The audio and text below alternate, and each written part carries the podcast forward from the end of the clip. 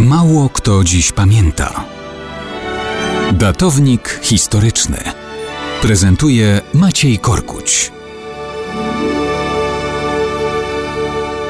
Mało kto dziś pamięta, że 9 lutego 1944 roku odchodził z tego świata Stanisław Bukowiecki, jeden z zapomnianych już dzisiaj, a szkoda, filarów polskiej niepodległości. On bowiem tworzył jeszcze pod rządami Niemców w czasie I wojny światowej fundamenty polskiego całkowicie niezależnego sądownictwa. Jako dyrektor Departamentu Sprawiedliwości w tymczasowej Radzie Stanu i minister sprawiedliwości w rządzie Jana Kucharzewskiego powołanym pod władzą Rady Regencyjnej Bukowiecki krok po kroku budował struktury sądownicze i wyrywał je spod władzy okupacyjnej. Na tym ograniczonym terytorium okupowanej kongresówki doprowadził do sytuacji, w której sądy już w 1917 roku zaczęły orzekać tylko i wyłącznie w imieniu korony polskiej. On doprowadził do utworzenia już wtedy w Warszawie Polskiego Sądu Najwyższego,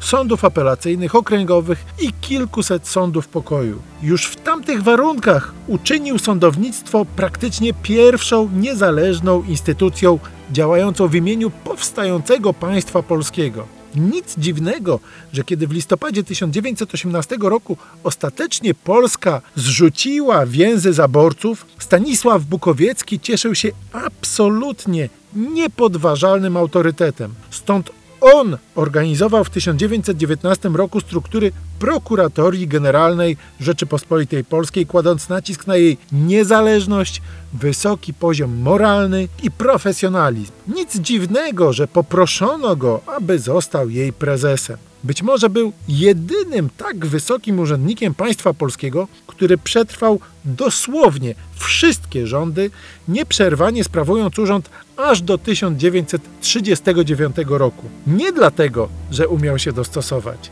Wręcz przeciwnie, nieraz rządy krytykował, nieraz podawał się do dymisji i nikt nigdy nie śmiał tej dymisji przyjąć. Aż trudno uwierzyć, że przez cały ten czas był całkowicie ociemniały. Wzrok stracił już na początku wieku. Czytano mu prasę i akta sądowe na głos. Dyktował sam teksty naukowe i ważne projekty ustaw. Nic dziwnego, że w szacunku dla jego zasług i niezależności mówiono, że wręcz dosłownie był uosobieniem naprawdę ślepej sprawiedliwości.